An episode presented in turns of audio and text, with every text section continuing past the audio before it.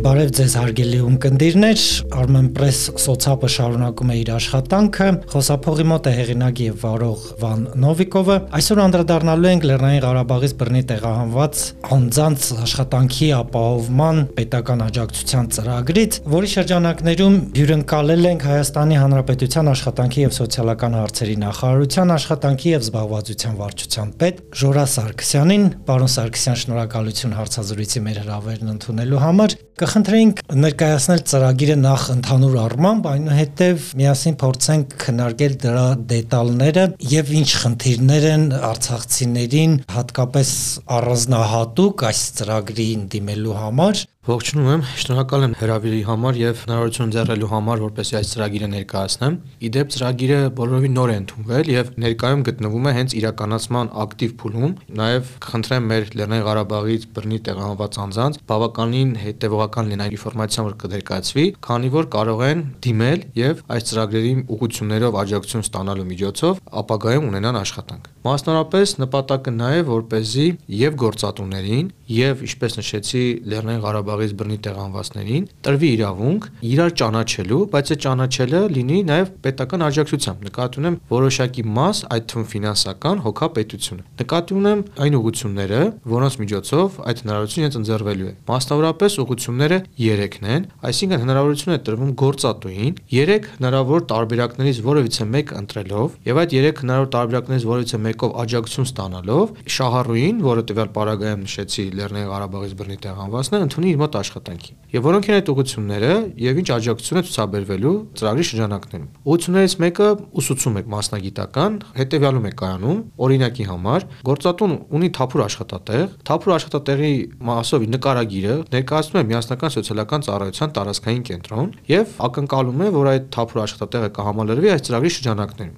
Իր պահանջներին համապատասխան մեզ մոտ հաշվառված Լեռնային Ղարաբաղի բռնի տեղանված անձանցից մենք ընտրում ենք այն անձանց, որոնք համապատասխանում են գործատուի պահանջներին։ Կազմվում է ցուցակ։ Այդ ցուցակը էլեկտրոնային տարբերակով փոխանցվում է գործատուին։ Եվ գործատուն արդեն, ինչպես ասում են, short list է անում եւ հարցազրույց է իր մոտ ունենում։ Հարցազրույցի արդյունքում ընտրում է իր համար այն տեխնացուին, ում հետ պատկերացնում է, որ ապագայում կարող է աշխատանքային հարաբերությունների մեջ մտնել։ Բայց նախքան աշխատանքային հարաբերությունների մեջ մտնելը հնարավոր է, որ պետք լինի որոշակի օրինակի համար ուսուցում։ Ենթադրենք, կա աշխատանք, որը ըստ գործատուի համապատասխանում է կարճ ժամանակ հետո տվյալ շահառուի որակավորմանը, բայց մի փոքր պետք է սովորի նոր։ Այս պարագայում հնարավորություն է տրվում գործատուին դիմելու մեզ այն նպատակով, որ ստանա ուսուցման աջակցություն։ Եթե ինք ուսուցման աջակցությունը տարբերակին է դիմում, ապա մենք աջակցում ենք Լեռնային Ղարաբաղից բռնի տեղահանված անձին միջև 6 ամիս ուսուցանվելու։ Ուսուցանվելու հետ կապված կան տարբեր ոլորտներ, որը որ տվյալ պարագայում կհամապատասխանի թափուր աշխատատեղին։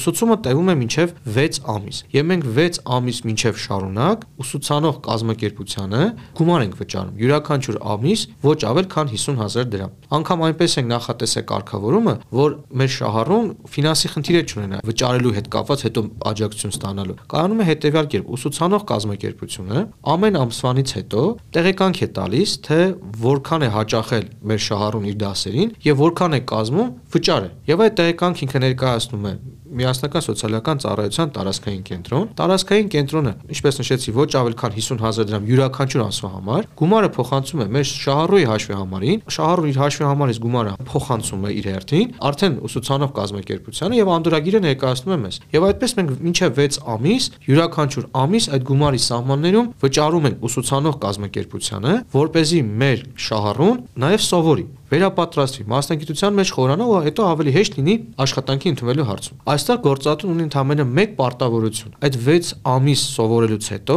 կամ մինչև 6 ամիս սովորելուց հետո անպայման շահառու հետ կնքի աշխատանքային պայմանագիր։ Առնվազն 3 ամսով։ Ճիշտ է, խրախուսվում է ավելի երկար ժամկետ, այդ թվում նաև անորոշ ժամկետ, բայց գոնե 3 ամիս սովորելուց հետո պետք է ունենա աշխատանքային պայմանագիր։ Իդեպ նաև սա էլ նշեմ, որ այս ընթացքում, երբ որ մեր շահառուն սովորելու process-ի մեջ է, բացի այն, որ մենք փոխհատուցում ենք իր այդ ուսման վարձը, նաև ամեն ամիս միջև 50000 դրամի սահմաններում իրեն տալիս են կրթաթոշակ, ինչպես ասում են գրպանի գումար։ Բացի այն ուսման վճարը նաև 50000-ի սահմաններում յուրաքանչյուր ամիս։ Ինչքան կտևի ուսուցման process-ը յուրաքանչյուր ամսվա համար է իր հաճախումներին համապատասխան, եթե ամբողջությամբ ծրագրին հաճախել է, նշանակում է յուրաքանչյուր ամսվա համար մինչև հաջորդ ամսվա մեջ կստանա նաև 50000-ական դրամ։ Եվ երբ որ ուսուցումը կվերջացնի, կստանա արդեն վկայականը, որ ինքը այդ ուսուցումը ավարտել է, դրանից հետո դիմում է արդեն ներկայացնում է սերտիֆիկատը գործատուին, որ ես անցել եմ վերապատրաստումը եւ գործատուն պարտավոր է գոնե 3 ամսով, առնվազն 3 ամսով կնքելու աշխատանքային պայմանագիր։ Իհարկե, ինչպես նշեցի, ցանկալի է, որ պայմանագիրը լինի անորոշ կամ գոնե ավելի երկար ժամկետում, բայց ինչու են պարտադրում առնվազն 3 ամիսը, որովհետեւ այդ 3 ամիսների ընթացքում պետությունը նաեւ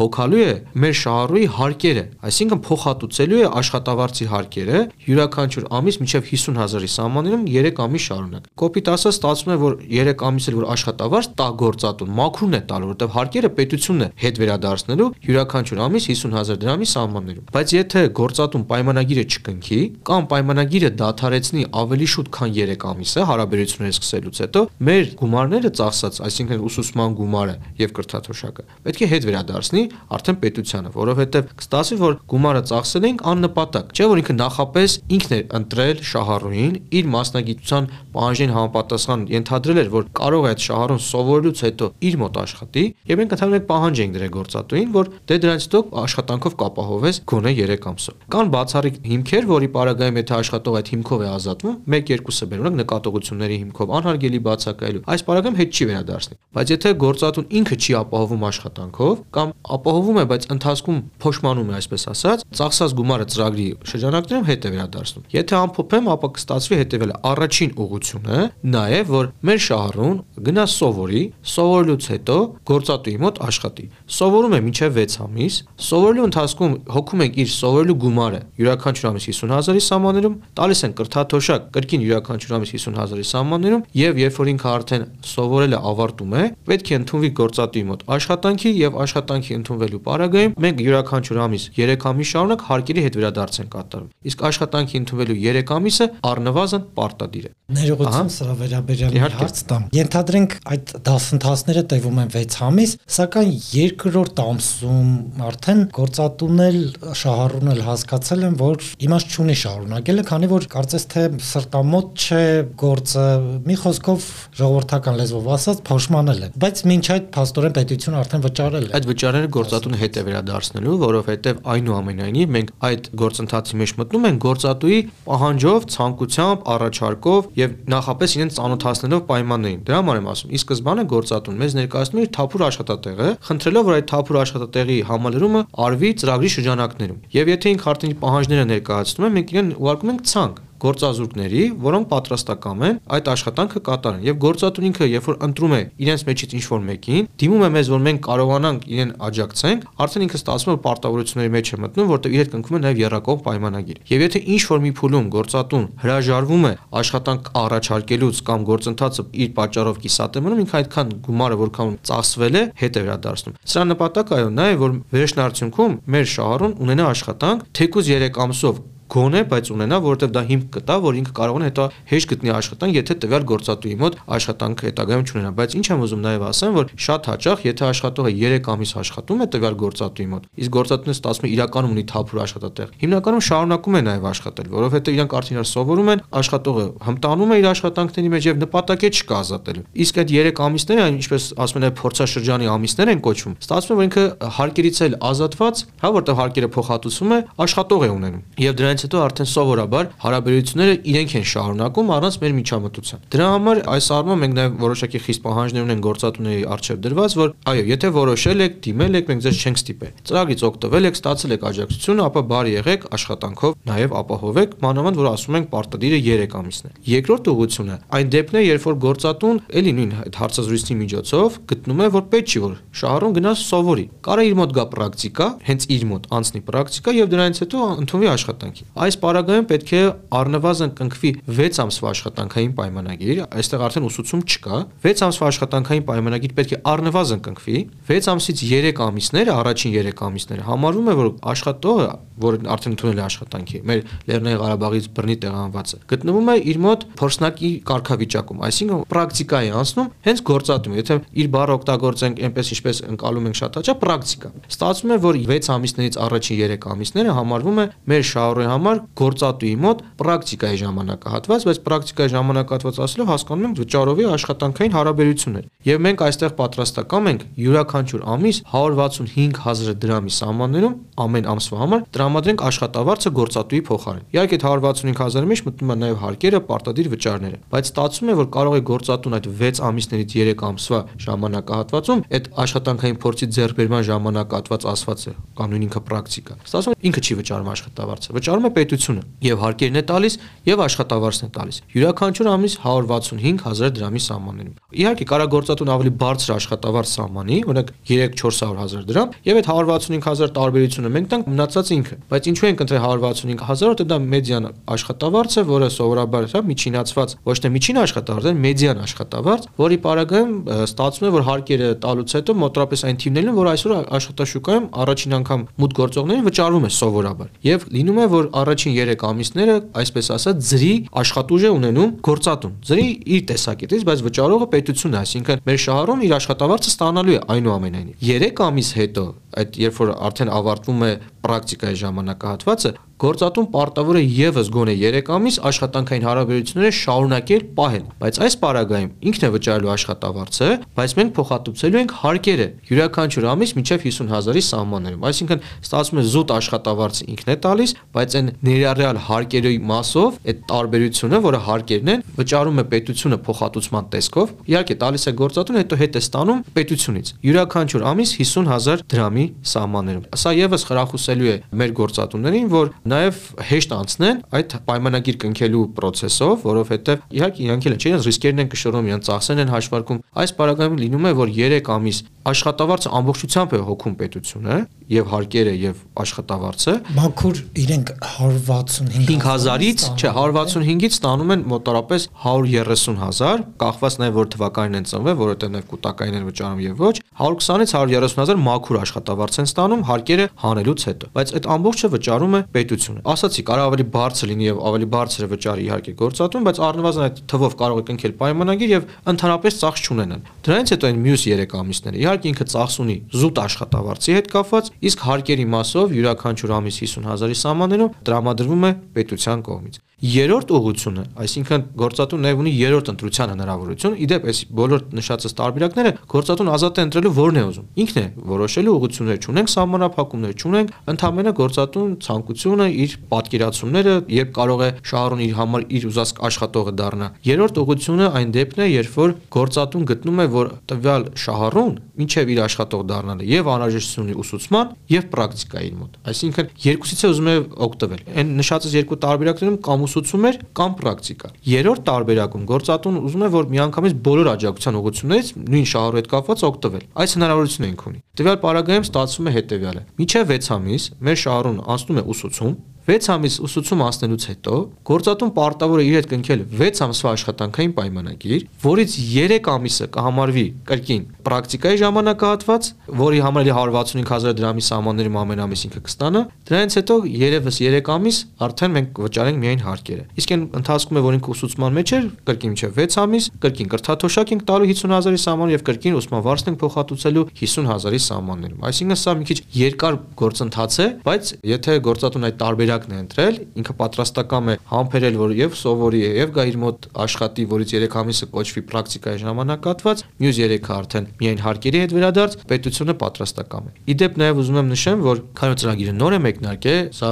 առաջին 2-3-րդ հնարավորությունն է, որ մենք իրազեկում ենք այսպես հանրային լրատվական միջոցներով, պետք է նաև թվերը հնչեցնեմ, որ նախատեսել ենք իրականացնենք այս տարի 1000 հոգու համար, բավականին, ինչպես ասում են, առաջին հայացքից լուրջ թիվ է եւ պատրաստակամությունը կա, բյուջեն կա, կա, այսինքն նպատակը կա, ինչպես նշեցի, եւ այդ 1000 թիվը բաշխվել է հետեւյալ սահմանաչափերով։ Միայն ուսուցում հետո աշխատանքի ընդունելու համար նախատեսնենք 230 հոգու համար իրականացնենք, պրակտիկա եւ հետո աշխատանքի ընդունում 430 հոգու համար եւ ուսուցում, այնուհետեւ պրակտիկա հետո աշխատանք 340 հոգու համար։ Իդեպ ընթացքում, եթե պահանջարկը ել ավելի լինի, հնարավոր է քննարկել նաեւ թիվը մեծացնելու կամ տեղերը փոխելու, ենթադրենք կարող է մեկի պահանջարկը ավելի լինի, քան մյուսինը, մենք կարող ենք նաեւ այդ քանակական վերաբաշխումների միջոցով օրինակ 4340-ը դարձնենք ավելի քիչ, 430-ը ավելի շատ, օրինակի համար, կախված թե որից ավելի շատ կցանկանան գործատուները օգտվել, բայց այնուամենայնիվ հնարավորությունը կա, մոտ օրերս արդեն նաեւ ֆինանսավորումը կլինի, որովհետեւ այս ծրագիրը որ ընդունվեց, ինքը ունի նաեւ հաջորդիվ քայլը, որ ծրագիրը հավանություն արժանանալուց հետո նաեւ բյուջեն է ընդունվում։ Ինքը միաժամանակյա գործընթաց չէ։ Մոտ օրերս նաեւ իր բյուջեն կընդունվի եւ արդեն ծրագրերը կարելի ասել ամբողջությամբ կսկսվի իրականացման փուլը։ Ովքեր կարող են դիմել, ովքեր են պոտենցիալ շահառուները, ինչ փաստաթղթեր պետք է ունենան ձեռքի տակ, որտեղ պետք է դիմեն այս մասով ունենք հստակ կարգավորում։ Նախ գանք հենց ծրագրի բառակապակցությունից Լեռնային Ղարաբաղից բռնի տեղահանվածներ, այսինքն արդեն այդ կարգավիճակ ունեցողների համար այս ծրագիրը սա մեկ։ Ծրագրից օգտվելու համար պետք է իրանք երկու պահանջի եւս բավարարեն, մեկը որ վերջին 1 ամսվա ընթացքում հարկ վճարող չլինեն, այսինքն գոնե վերջին 1 ամիսը աշխատանք չունենան, գրանցված աշխատող չլինեն, որ հարկայինով չտեսնենք, որ իրենք արդեն աշխատում են եւ հարկեր են վճարում, եւ իրենք զբաղվածության մասին օրենքի համաձայն պետք է համարվեն գործազուրկ։ Այսինքն սա հստակ ունի սահմանում որի մեջ կան բացառություններ, թե ովքեր չեն համարունակ ուսանողը չի համարվում, գրանցված աշխատողը չի համարվում, ծառայություն մատուցման պայմանագրով ծառայություն մատուցողը չի աշխատում, 63 տարեկանից ավել է չի աշխատում, պարտադիմորական ծառայության մեջ գտնվող, այսինքն զբաղվածության մասին օրենքում հստակ նախատեսված է, թե ովքեր չեն կարող համարվել մեր կարգավորների շրջանակներում գործազուրկ։ Մնացած բոլոր ովքեր օրենքի տրամաբանության մեջ ընկնում են, բոլորն էլ կարող են,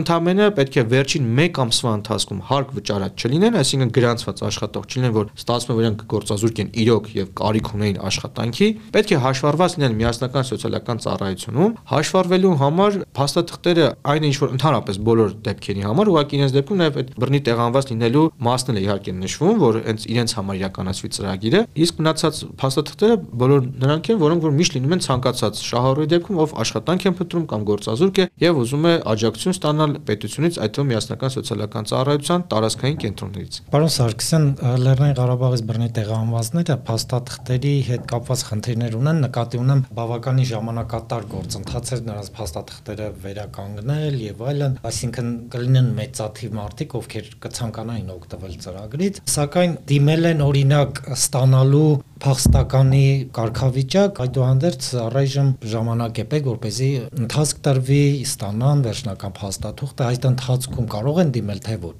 Մեր ծրագիրը չի անդրադառնում ձեր նշած հարցին, ընդհանրապես մենք զուտ բառակապակցություն ենք նայում, որ ինքը լինի Լեռնային Ղարաբաղից բռնի տեղահանված։ Մենք այդ փախստական կարգավիճակին ծրագրում չենք անդրադարձել։ Ընդհանրապես պետք է որ ինքը այդ նշումը ունենա, որ Լեռնային Ղարաբաղից բռնի տեղահանված է։ Եւ եթե չեմ սխալվում, Պակիստանի մասնագիտականը չէ, ինչքանով որ տեղյակ եմ, իրանք այդ մասին նշում ունենում են հենց նաեւ մուտք էին գործում Հայաստան Հայաստանի Հանրապետությունը սեպտեմբեր ամսին։ Եթե չեմ սխալվում, այդ նշումը իրենց անձնագրերում արվում էր։ Դա այսպես ասենք միգրացիայի ծառայության ոլորտում է։ Այո, իհարկե։ Ընդհանրապես այո, իհարկե իրենց այդ նշումը այնուամենայնիվ կպահանջվի։ Այո, որովհետեւ մենք պետք է հավաստիանանք, որ իրենք ոչ թե Լեռնային Ղարաբաղի քաղաքացին են, բռնի տեղանվածն են, որովհետեւ այստեղ կարող են լինել մարդիկ, ովքեր 5-10 տարի է ապրում են, չէ, Հայաստանում են, մինչ այդ էլ ապրել, ծրագիր իրենց համար չէ։ Իհարկե իրանք էլ կարող են դիմել ցանկացած Լեռնային Ղարաբաղի քաղաքացի բնակիչ կարող է դիմել միասնական սոցիալական ծառայություն, տարբեր ծառայություն ծառայությունից օգտվելու համար, օրինակի համար գործատուների մոտ ուղեգրվելու համար, ընդհանրապես մենք շատ ծրագրեր ունենք, որը բոլորի համար է։ Ուզում եմ ասեմ, այնպես չի, որ մենք սահմանափակված ենք։ Ցանկացած քաղաքացի, ով աշխատանք է փնտրում, կարող է դիմել մեզ, բայց կոնկրետ այս ծրագրից օգտվելու համար ինքը ունի ուղղակի թիրախում։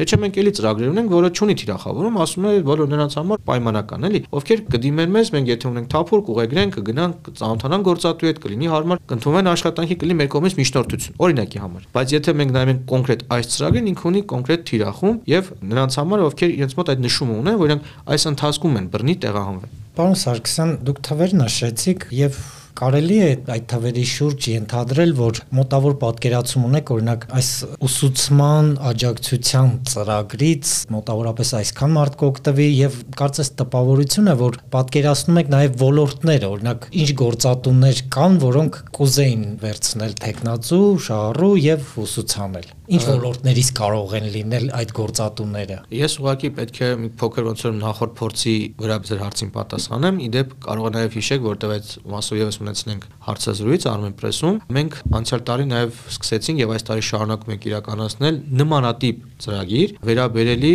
պատերազմի մասնակիցներին եւ նաև 20 թվականից հետո զորացրված մեր զինծառայողների մասով։ Եվ մոտարապես ելի աջակցության ուղղությունները նույնն էր, որոշակի տարբերություններով, բայց գաղափարը մոտարապես նույնն էր՝ կրկին աջակցել գործատուին, իր մոտ պրակտիկա անցկացնի, ուսուցում, բայց այնտեղ նաև մեկ այլ կոմպոնենտ ունենք՝ միանվագ փոխհատուցում միանգամից։ Այսինքն մի փոքր տարբերություններով, բայց նաև նմանություններ կար։ Բայց ինչու սա հիշեցի։ Ուզում եմ ասեմ, որ երբ որ այն ծրագիրն ենք իրականացնում, բնականաբար գործատուները կամ մեր սեգմենտը շատ չի տարբերվում, էլի, այսինքն ոլորտները մեր ակտիվ են լինում հիմնականում սերվիս ոլորտը, իր բոլոր տարատեսակներով միշտ իրենց մոտ դրսևորում է ակտիվություն մի քանի պատճառով։ Նախ այնտեղ թափուրի արկայությունն է բավական շատ լինում եւ երկրորդը նաեւ արագ է լինում այնտեղ ուսուցանվելով կամ պրակտիկայով աշխատանքը սովորել եւ սկսել աշխատել։ Նաեւ քանի որ տեղեկատվական տեխնոլոգիաների ոլորտը եւս համարվում է սերվիս ոլորտ, պետք է նշեմ, որ այստեղ եւս կա բավականին հետաքրքրվածություն եւ ակտիվություն եւ մենք կարծում որ այս ոլորտում մանավանդ ուսուցման շատ ծրագրեր կան այս ոլորտում, ակտիվ կլինեն մեր գործատուները։ Նաեւ հաշվապահության ոլորտը չմոռանանք, հարկային, այսինքն կան ոլորտներ, որտեղ կադրային եւ այլն, որտեղ իրոք կա թափուր աշխատատեղեր, կան նաեւ գործատուների կողմից պահանջարկ եւ կարող են իրենք հենց նաեւ ցանկանան, որ մեր շահառուները այդ ոլորտներում անցնեն որոշակի ուսուցում կամ իրենց մոտ պրակտիկա եւ ընդունվեն աշխատանքի։ Շատ-շատ են։ Կարելի ասել գրեթե տնտեսության բոլոր ոլորտներն են ներառում են, բայց հիմնական թիրախումբը լինում է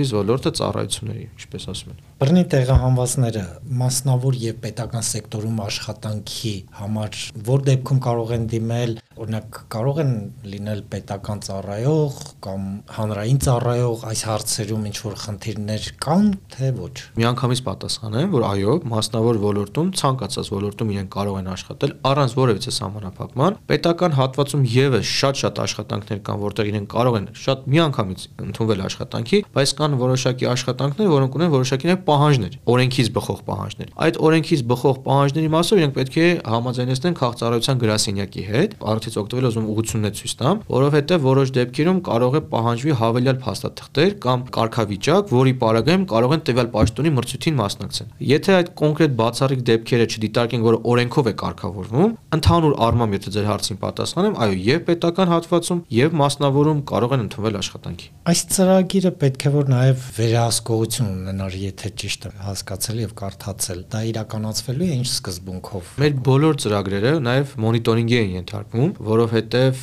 նաեւ շատ կարեւոր է գնահատել արդյունավետությունը իր շարունակականության ապահովման տեսակետից եւ իհարկե այս ծրագիրը եւս բացառություն չէ եւ միասնական սոցիալական ծառայության տարածքային կենտրոնը եւ նաեւ նախարարության մոնիտորինգի վարչությունը ունեն գործառույթներ, լիազորություն նաեւ վերահսկելու ծրագիրը, ընթացքը, որովհետեւ նաեւ տարբեր փաստաթղթեր ընթացքում կնքվում, ինչեւ ծրագրի շահառուհինս դառնալը, հետագայում նաեւ ընթացքը եւ այո, իհարկե նաեւ ծրագիրը վերահսկողություն ունի, մոնիտորինգի է ենթարկվում, նաեւ գնահատում մոնիտորինգ, որ เป զի նաեւ հետագա շարունակականության հարցը կարողանանք ճիշտ որոշենք։ Այսինքն անձամբ տեղերում կլինեն, հա, ստուգեն, իհարկե սովորում են ներկա է, բացակա է։ Գործառույթների մեջ դա էլ է մտնում, բայց նաեւ քանի որ մենք այդ տեղեկանքները ստանում ենք ուսումնական հաստատություններից, որոշ դեպքերում կարող է նաեւ լինել վստահություն, անով եթե ինքը երկարաժամկետ լինի համագործակցությունը, որ այն տեղեկանքը, որը տրամադրում է ուսումնական կազմակերպությունը, չի կեղծում։ Իհարկե կլինեն նաեւ որոշ ժամանակ առ ժամանակ տեղում դիտարկումներ, ստուգումներ, բայց նաեւ պետք է այն կանխավարկածից է գանք, որ այն տեղեկանքը, որ ուսումնական կառույցն է տալիս, որը պայմանագիր ունի արդեն պետական հաստատության հետ, պետք է նաեւ կեղծ տեղեկատվություն մեջ չներկայացվի, որտեղ իհարկե ամենվարկյան կարա ստուգվի։ Իհարկե։ Պարոն Սարգսյան, մինչ այս ծրագրի գործարկումը որքան Լեռնային Ղարաբաղից բռնի տեղահանված անձ է ձեր միջոցով, սոցիալական նաեւ ծառայությունների միջոցով ընդունվել աշխատանքի, այդ թիվը այս ընթացքում աճել է թե ոչ։ Ես ես կներկայացնեմ հենց փետրվարի 6-ի տեղեկատվություն, մասնավորապես փետրվարի 6-ի դրությամբ միասնական սոցիալական ծառայության տարածքային կենտրոններում հաշվառվել է 5027 անձ, որից 3794-ը ստացել է գործազուրկի կարգավիճակ։ Այսինքն ունենք հաշվառված աշխատանք փնտրողներ, որից 3794-ը գործազուրկ է։ Այսինքն այդքան գործազուրկ կա մեզ մոտ հաշվառված։ 3794 գործազուրկ այս պայդրությամբ ուղեգրվել է 2001-ը նկատի ունեմ գտել ենք իրենց համար հարմար աշխատանք, որ գործատուին կարելի է ուղեկրել 794-ից, այո, ուղեգրվել է 2001-ը, որոշներին կարող առաջարկել հրաժարվի, այսինքն իրեն հարմար աշխատանք չհամարի կամ դեռ իրեն հարմար աշխատանք չեն գտել որ առաջարկեն, բայց առնվազն 2001 հոգու ուղեգիր է տրվել, որ իրենք ներկայանան գործատուի մոտ, քանի որ այս ծրագիրը նոր է, դրա համար մինչև այդ ուղեգրով են փորձել աշխատանքային հարաբերություններում ակտիվ լինել եւ աշխատանքի ընդունել եւ արդեն 1018-ը ընդունվել է աշխատանքի։ Մոտավորապես կեսին մերժվել է կամ գործատունը մերժել կամ շահառունը մերժել գործատուին, կարող աշխատավարձը, աշխատանքային պայմանները, իր ակնկալիքները կամ գործատուն կարող ինտերվյուից հետո որոշել է որ չի ցանկանում, երբ որ ներկայացվել է պայմանները եւ այլն։ Բայց առնվազն այս պայդրությամբ այդքան մարդ ընդունվել է աշխատանքի, իսկ մյուսների մասով դե աշխատանքները բնականաբար շարունակվում են ու նաեւ այս ծրագիրը երբ որ մոտ օրերս արդեն ամբողջությամբ կիրականացվի, որտեղ ինքը ընդունված է, գործող է որպես որոշում, բայց ֆինանսական մասն է մոտ օրերս կլինի եւ արդեն ծրագիրը ամբողջությամբ կմեկնարկի։ Հիմա էլ է ինքը գործող ծրագիր համարվում, բայց ֆինանսական կոմպոնենտն է պետք է լինի, որ նաեւ կարողանանք սպասարկենք։ Եվ ինչպես նշեցի,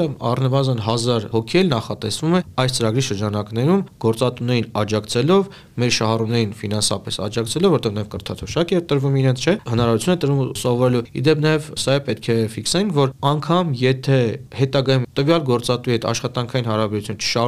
մեր նշած ժամկետներից հետո, որտեղ գոնե այդքան ժամկետ պետք է շարունակվի, որ մենք աջակցությունը տանք։ Դրանից հետո առնվազն ունենում ենք մարդ, որը սովորել է, փորձաձեռբեր է, վկայական ունի եւ դրանից հետո իրեն էլ ավելի հեշտ լինելու աշխատանքի ընդունվելը, որտեղ ինքը մի հատ ստացվում է, անցնում է գործընթաց, որը առանց իր ծախսերի է իրականացում, լրիվ պետական աջակցությամբ է իրականացում եւ ավելի հեշտ է լինում նաեւ իրեն աշխատանք գտնելը, անգամ եթե տվյալ գործատուի մոտ չշարունակի աշխատել։ Պարոն Սարգսյան, իսկ գործատուներ կան, ովքեր այդ օրինակ ուսուցման խնդիրը բարձրաձայնել են մինչ այս եղած փորձից։ Հիմնականում հենց գործատուները այդ խնդիրն են բարձրաձայնում, որովհետեւ երբ որ մենք գործատուների հետ խոսում ենք, իրենք երբ որ թափուր աշխատատեղ ունեն, իսկ մենք գիտենք, որ կան թափուր աշխատատեղեր, ճիշտ է, գործազրկություն է կա, որը գնալով իհարկե միտում ունի նվազելու, բայց այնուամենայնիվ դեռ ունենք եւ գործազուրկներ ունենք եւ թափուր աշխատատեղեր ունենք։ Սովորաբար գործատուների թափուր աշխատատեղերը չհամալրելու պատճառներից մեկը բարձի վարձատրությունը, որովհետեւ կարելի ասել վարձատրությունը միշտ ամենաառաջին տեղում է լինում, որ գործազուրկները, ովքեր ուզում են դառնան աշխատող, չեն համաձայնում այն աշխատավարձով աշխատել, որ իրենց առաջարկվում է։ Եթե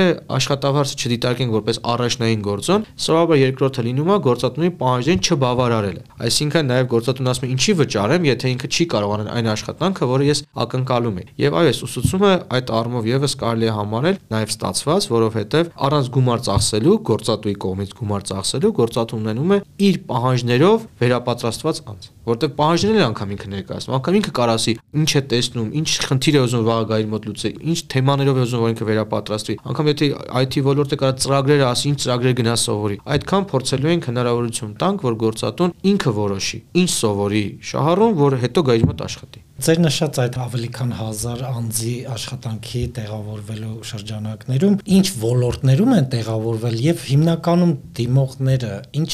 ոլորտի են նախապատվություն տալիս կա այդպիսի ցուցանիշ վիճակագրություն Քանի որ դեռ ինքը չի արվել եւ ձեր հարցին կարողանա պատասխան նախորդ եղած տվյալի մասին Նախորդը մենք իրականացնենք լրիվ այլ թիրախմբի համար անցյալ տարի ենք իրականացրել 526 հոգի դարձել են ծրագրի շահառու խոսքը վերաբերում է պատերազմի մասնակիցների եւ զորացրվածների 20 թվականից հետո իրենց համար ենք իրականացրել։ Այս մեկը, որը իրականացնում ենք Լեռնային Ղարաբաղից բռնի տեղանվածությամբ, սա նոր ծրագիր է, երբևիցե չի իրականացվել։ Հա, ես նկատի Նախորդը ոչ այն տվյալները, որ նշեցիք միջ այս ծրագիրը։ Հա նկատենք են 1000 հոգին, որ ուղեգրերի միջոցով են տեղավորվել աշխատանքի։ Նրանք, ովքեր ուղեգրերի միջոցով են տեղավորվել աշխատանքի, կրկին նույնն է, իրանք հիմնականում սերվիս ոլորտում են լինում։ Սերվիս ոլորտում կարելի ասել գրեթե բոլոր ուղություններով, որը որ այսօր ակտիվություն կա, մանավանդ սպասարկման ոլորտը, այնտեղ շատ հաճախ են ընդունվում աշխատանքի, սկսած խոհարարից, որովհետև այնտեղ վերապատրաստվելու բանի կարիք չկա, ինքը մի անգամից ուղեկրում են, գնում են ընդունվում է աշխատանքի եւ եւ ասեն ստացվում են աշխատանքային հարաբերությունները մի անգամից է